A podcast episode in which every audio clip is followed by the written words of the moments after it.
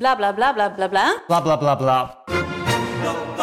Idealen zijn prachtig, maar woorden verliezen betekenis als je niks doet.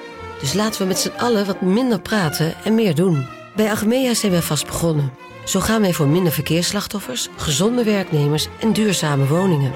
Waar ga jij voor? Kijk op www.werkenbijagmea.nl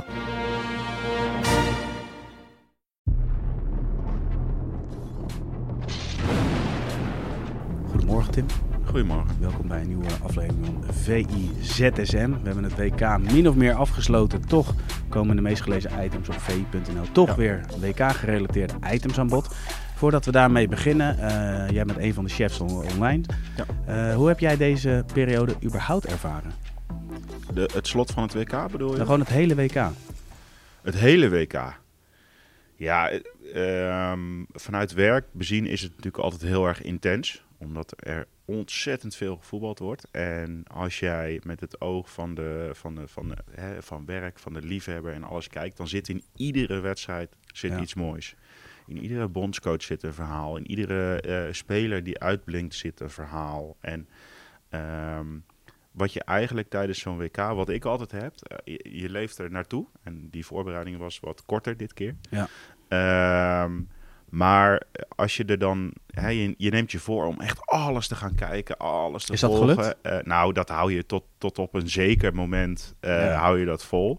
Maar zo ergens in die eind eerste week, dan komt er, eh, mijn persoonlijke situatie, ik heb twee kleine kinderen, dan komt er een moment dat je dat niet meer lukt. En je neemt het je altijd voor, dat lukt niet. Ja, er zijn natuurlijk een heleboel manieren om terug te kijken, om, om op een andere manier alles mee te krijgen. Ja, dus precies. je, je dompelt je helemaal onder. En dat sluit dan eh, af met een eh, WK-finale eh, waar een bijzonder verhaal in zit. Ehm, en dan is het ineens klaar. Dus, dus ehm, Ja, maar dat is ineens even- klaar. Hè? Hoe, hoe heb jij dat nou beleefd? Want in de voorgaande toernooien, wij werken al een aantal jaren samen en, en eindtoernooien, heeft, zorgt altijd voor een leuke dynamiek op de redactie. Ja. Het is druk. Je hebt met allemaal Ja. voetbalgekken te maken. We weten alles, we willen alles weten. We zijn bezeten van het Nou, spel, maar ook Eigenlijk is het niet maken? klaar. Eigenlijk Nee. is het niet klaar. Het voelt zo. De, de laatste trap is geweest. De wereldbeker is omhoog getild. Ehm, maar het is niet klaar. Want een WK is iets magisch. En, en, ehm, en neem Marokko. Ehm, nou ja, Messi spreekt natuurlijk voor zich, dat verhaal. Maar Marokko, hoe die zich hebben laten zien. Hoe bepaalde spelers zich hebben laten Ja. zien. Er komt nu een transferperiode aan. En je weet, er zijn altijd clubs zo gek om, om zes, zeven keer zoveel te betalen al- voor een speler die tijdens het WK goed doet. Ehm, dus de nasleep is gigantisch. En dan heb ik het nog niet eens alleen over transfers. Dan heb ik het ook over de nasleep op landen, op voetbalbonden. Ehm, eh, we hadden gisteren een lijstje met bondscoaches. Ongeveer de helft is gewoon weg.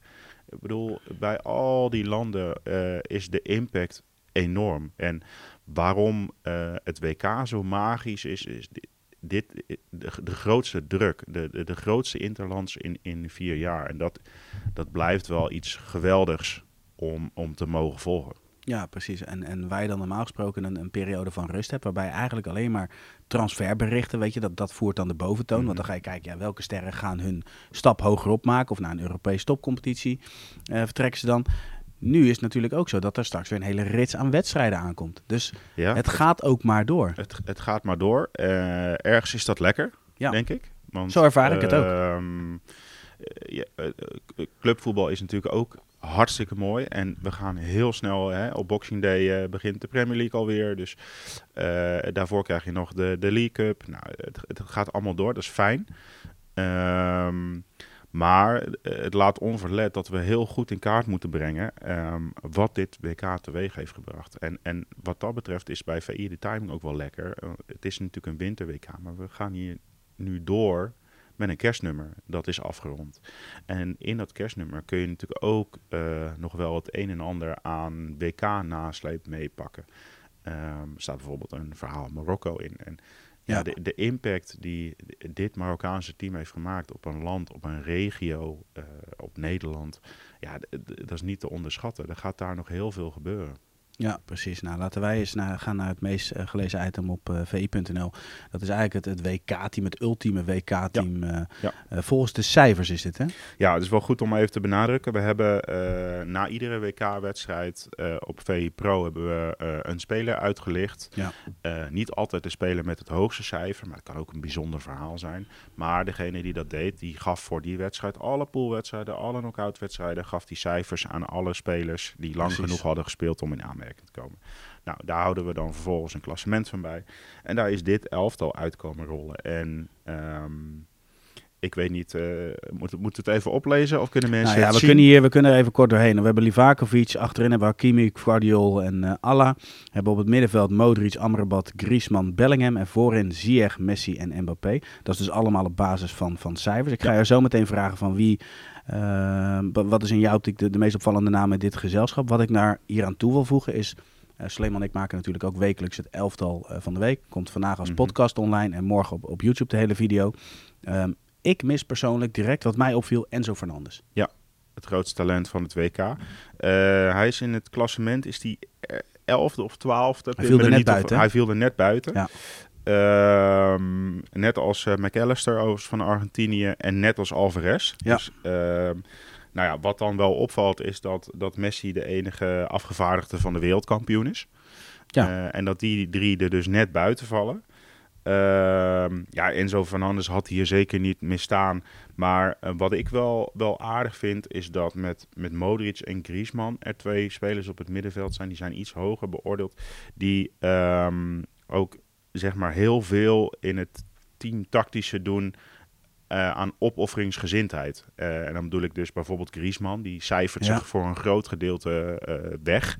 En ik vind het mooi dat dat is terug te zien in dit elftal. Dat, dat we daar in de beoordelingen naar hebben kunnen kijken. nou ja, Amrabat is genoeg over gezegd. Heeft natuurlijk een geweldig WK gespeeld. Is net achter Mbappé, de speler van het toernooi bij VI, geëindigd. En uh, ja, Bellingham, die was in het begin natuurlijk echt, ja, echt geweldig. En, ja. uh, met Fernandes, uh, ja, kijk, Guardiol had ook talent van het WK kunnen worden. Bellingham had dat ook kunnen worden. En het is Fernandes geworden. Hij had niet misstaan, zeker niet. Maar ik geloof dat het een paar honderdste of, of, of een tiende scheelt of iets dergelijks. Dus dat ja, hou je altijd met, met, met, met dit soort elftallen. Dus daarom is het ook wel goed om te benadrukken wie er dan net buiten de boot vallen. En Fernandes is er daar eentje van. Ja, en wie, wie als je naar op het eerste oog kijkt, wie mis jij dan het meest? Um, nou, ik, ik vind het eigenlijk een heel erg mooi elftal. Uh, wat mij dus ja. al opviel, uh, is dat er wat Argentijnen net buiten de boot vallen. Wat ik persoonlijk wel een interessante situatie vind, is dat uh, wij hebben Livakovic. Die heeft iets betere statistieken ook dan de keeper van het toernooi. Ja. Martinez. Sterker nog, Martinez heeft qua XG conceded, even ja. een dure term erin gooien, heeft hij ehm, helemaal niet zo goed gescoord. Maar die stad zijn het ook niet zaligmakend. Hè, waar moet je naar kijken? Maar wat houdt die statistiek de... precies in, Tim? Leg even nou, het, het, gaat erom dat uh, uh, op basis van uh, XG kun je zien hoeveel goals een ploeg had tegen moeten krijgen. En je kunt dan in kaart brengen wat de keeper um, daaraan heeft voorkomen. Ja. En daar komt dan een statistiek uit rollen.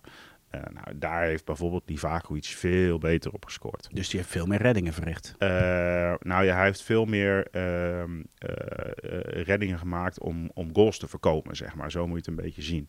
Um, en die heeft natuurlijk ook in de penalty-series een hele grote rol gespeeld. Ja. Dus ook hiervoor geldt dat hij zomaar tot keeper van het toernooi uitgeroepen had kunnen worden.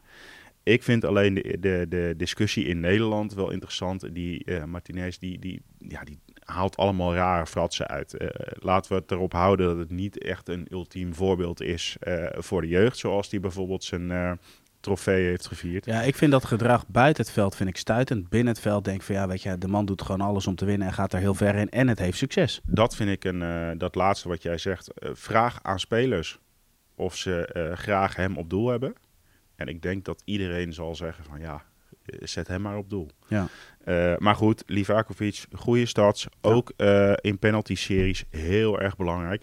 Dus ik vind het wel, uh, wel een mooie verdeling dat de Argentijn de prijs krijgt. En dat Livakovic bij ons in het elftal Maar staat. het is wel interessant, hè? Want jij geeft aan eh, de expected eh, goals, laat maar zeggen, waarin, nou, het aantal reddingen of doelpunten voorkomen. Pak naar de finale. Mhm. Martinez, als je hem voor de finale, dan herinner je hem vooral vanwege zijn penalty series, toch? Maar niet een bepaalde redding waarvan je denkt die is cruciaal. Kijk, gaan we terug naar 2010, de redding van Stekelenburg, die blijft hangen. Maar dat soort Nou- redding had hij niet tot de WK-finale. Was er niet in de 120ste minuut of was dat in de 90ste minuut? De, in ieder geval in blessuretijd dat hij die kans van eh, eh, de spits van Frankrijk pakte, waar Deschamps ook eh maar dat is dus- terugkwam. Dat lijkt me wel een redelijk Ja, maar dat is dus van tot de WK-finale was dat. En in de WK-finale heeft hij een cruciale redding. Pas op dat moment denk je van, oké, hij kan veel meer dan Ja, alleen penalty ja. stoppen. Ja, nou ja, volgens mij had met een andere keeper op doel Nederland was die pingel van Van Dijk er misschien ook wel ingegaan. Dus ja, je kunt, je kunt er op een heleboel manieren naar kijken. Ehm, het is gewoon een soort boef. Ja, En dat is het eh, zeker. ja, eh, ik zou persoonlijk wel, eh, als ik de verlenging inga, vertrouwen krijgen van zo'n boef op doel. Wetende dat als er nog een penalty-serie komt, dat hij op doel staat. Dat hij zich verder als een clown gedraagt. Ja, Maar dat binnen het veld, dat vind jij ook mooi. Nou, ik, ja, ik, kan, ik kan daar wel, ja, jij kent mij, ik, ik kan daar wel van genieten. Ja, ik heb jou eh, zien voetballen, dus eh, ik weet, ik weet uit ervaring waar ik het over heb. Ja, nee, ik, ik, kan daar wel, eh, ik kan daar wel van genieten. Hij doet er alles aan om te winnen. Dat hij de grens overgaat, is ook duidelijk. Hè? Bedoel, maar ja, hij staat uiteindelijk met de wereldbeker in zijn handen. Eens. Maar buiten het veld, het gedrag, daar zijn we het beide over eens. Dat is niet heel erg oké. Nou, ik zag al beelden voorbij komen dat eh, de manier waarop hij het gevierd had, dat dat nagedaan werd door kinderen. En ik denk ook dat hij uiteindelijk denkt dat dat niet helemaal eh, de bedoeling was. Maar Nee. goh, hij is wereldkampioen. Ik kan me ergens ook wel weer voorstellen dat als jij keeper van het toernooi bent, je bent net wereldkampioen geworden doordat je weer in een penalty-serie eh, belangrijk bent geweest. Ik, ik snap het wel. Ja, precies. Gaan we naar het volgende item. Het gaat eh, wederom over de mantel van Messi. Gisteren vroeg ik aan eh, Björn Gordon, onze collega, van ja, waarom droeg hij die? Wat, wat was precies de reden? En nu gaat het toch wel, er wordt veel op gereageerd. Zwijnsteiger heeft er iets Ja, over gezegd. eh, ja. Van Hooydonk heeft er iets over gezegd. Lineker in Lineker. Engeland hebben wat kranten flink uitgehaald. Ja, Nou, kijk, wat, wat wel belangrijk is, is dat je in ieder geval ehm, dit eh, van alle kanten bekijkt. Ja. Kijk, vanuit de, de, de, de, de, Arabische regio, vanuit Qatar, vanuit de Golfstaat, eh, krijg je een soort. Het, het is een, een teken van respect, van, van waardering. Je geeft status eh, aan degene die in hem omhangt. Wat ehm, ik wel begrijp van de ergernis in West-Europa. Want hè, in West-Europa is veel ergernis daarover. Terwijl ehm, het in principe een blijk van respect is. Dat eh, Messi, het verhaal van Messi, hij heeft al die jaren naar die wereldtitel uitgekeken. De wereldtitel, de, de, degene die hem in de lucht gaat steken, is sowieso een, een historisch moment. Het zijn plaatjes voor de eeuwigheid. En eh, wat er nu dus gebeurt, is dat ten eerste eh, het glimmende hoofd van Infantino staat daar continu op bij die plaatjes. En vervolgens staat hij eh, met over eh, zijn Argentinië-shirt, een, een, een biest heet het volgens mij. En die plaatjes zijn dus voor de eeuwigheid. En de emir staat daar ook op. Op zich is het een mooi gebaar. Wat ik wel begrijp, is dat er het moment ongelukkig. nou, ik, ik- dit is het moment van Argentinië. Dit is het moment van Messi. Dit is het moment van eh, de wereldbeker. Ik zou het persoonlijk eh, wel fijner hebben gevonden als ze bijvoorbeeld eh, de mantel even hadden gegeven en hij had hem als cadeau in ontvangst genomen, maar verder of stappen ze, persoonlijke prijs. verder stappen ze naar achter. Ja, bijvoorbeeld. Ja. Nou had ik het idee dat ze bij de prijsuitreiking überhaupt het protocol niet meer helemaal volgden hoor. Ik bedoel, het ging heel snel en alle prijzen werden er nog even eh, doorheen gedrukt. Ehm, maar de, de West-Europese ergernis is wat overtrokken. Ik denk eh, dat eh, een ander moment misschien iets beter gepast was geweest. Want je neemt het moment weg. Anderzijds, als je je verplaatst in de emir, in Qatar, in het organisatiecomité. Ehm, ze willen dit natuurlijk claimen. Dit is het WK van Qatar. Ze, zij wilden Qatar op de wereldkaart zetten. Ze wilden de wereld Nou ja, het Midden-Oosten is voor altijd verbonden aan het ultieme moment van Messi. en als je dan eh, eh, Messi met zijn wereldbeker in een mantel hebt, ja, dan is dat wel gelukt. Dus dat zit er natuurlijk achter. Als je ook kijkt naar ehm, de, uh, het, het, het Twitter-account van FIFA Wereldbeker 2022. Die hebben gewoon op de avond van de finale uh, al een tweet de wereld ingestuurd. Dat was zeker niet de enige tweet over Messi.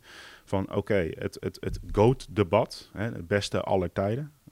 alle lichten gaan niet uit, maar het beste aller tijden. Dat debat is nu wel voorbij. Ja, ik, dat, dat is ergens um, een discussie. Maar ik vind het ook wel stevig dat... Een, Vanuit die organisatie dat dat gezegd wordt. Dat dat zo erin gegooid ja. wordt. En dat willen ze natuurlijk claimen.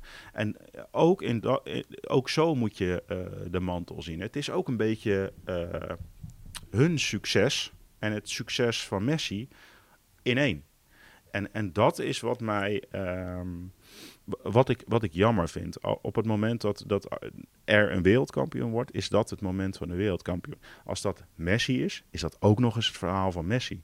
En dit ga, uh, gaf er een extra uh, dimensie aan. Ja. En ik had uh, uh, inderdaad of bij zijn persoonlijke prijs eerst en dat hij dan even de mantel afgeeft en dat hij, snap je? Maar ik vind wel dat er heel erg overtrokken, kritisch is gereageerd. Want je moet het ook, dat is het West-Europese standpunt, maar je kan ook wel eens andersom redeneren. Van hè, wat willen ze ermee en Um, uh, hoe wordt er in die regio ja. over gesproken? En, en daar uh, lees je alweer stukken over de kritiek in West-Europa. Dus het is ook gewoon uh, vanuit welke cultuur benader je het. Dus je moet het van ja, allebei eigenlijk... de kanten bekijken. Maar op het moment dat het gebeurde, had ik ook wel zoiets van: jeetje, moet dat nu? Moet eigenlijk dit nu? zeg jij, het was mooi respectvol, maar het moment was niet juist. Dat denk ik, ja. ja. Ik denk dat, dat je dat goed samenvat. Ja, in iets minder woorden dan jij. Maar goed, dat, dat maakt verder ja, niet uit. Uh, ja, ik, ik, zit hier voor mijn langdradige verhaal. Ja, nee, helemaal niet. Dat doe je uitstekend. Hey Tim, luister. Wij um, hebben het WK hebben nu achter de rug. Uh, gisteren is het kerstnummer is, uh, afgemaakt. Ja. Ook iets om echt naar uit te kijken in de komende weken. Je kan hem loskopen, maar dan kan op VE Pro gaan we de mooiste verhalen. Um, jij hebt natuurlijk het kerstnummer al ingekeken. Wat springt er voor jou echt uit? Nou, ik, ik vind altijd, um, um, het, het is een soort dubbel dikke special. En de, de meest uh, speciale uh, verhalen staan erin. En ik vind het altijd lastig om er dan één uit te halen. Ik zou bijna zeggen, ga pro in de gaten houden, want daar gaan ze allemaal verschijnen. Het, het, uh, ergens uh, vier, vijf maanden geleden, soms in februari hebben mensen alles Ja, op. ja. Dat zou nog wel eens een onderwerp kunnen zijn voor een kerstnummer. Um, dus ik, Ja, want ik- soms worden de speciale ver- verhalen bewaren ze juist voor Precies, precies. En eh, je pakt net even wat meer uit. Eh, eh, in de voorbije maanden zijn de verslaggevers overal op vliegtuigen gestapt om de mooiste verhalen op te halen. Nou, vandaag beginnen we al. Dus ja, vanaf nu tot en met het einde van het jaar gaan er mooie verhalen verschijnen. En ik, ik zou vooral zeggen, ga kijken. Ga kijken op VPRO. Duidelijk. Tim, dankjewel. En jongens, jullie bedankt voor het kijken en voor het luisteren. Dit was de VI ZSM van dinsdag 20 december. Morgen zijn we weer terug met een nieuwe aflevering. Tot ziens.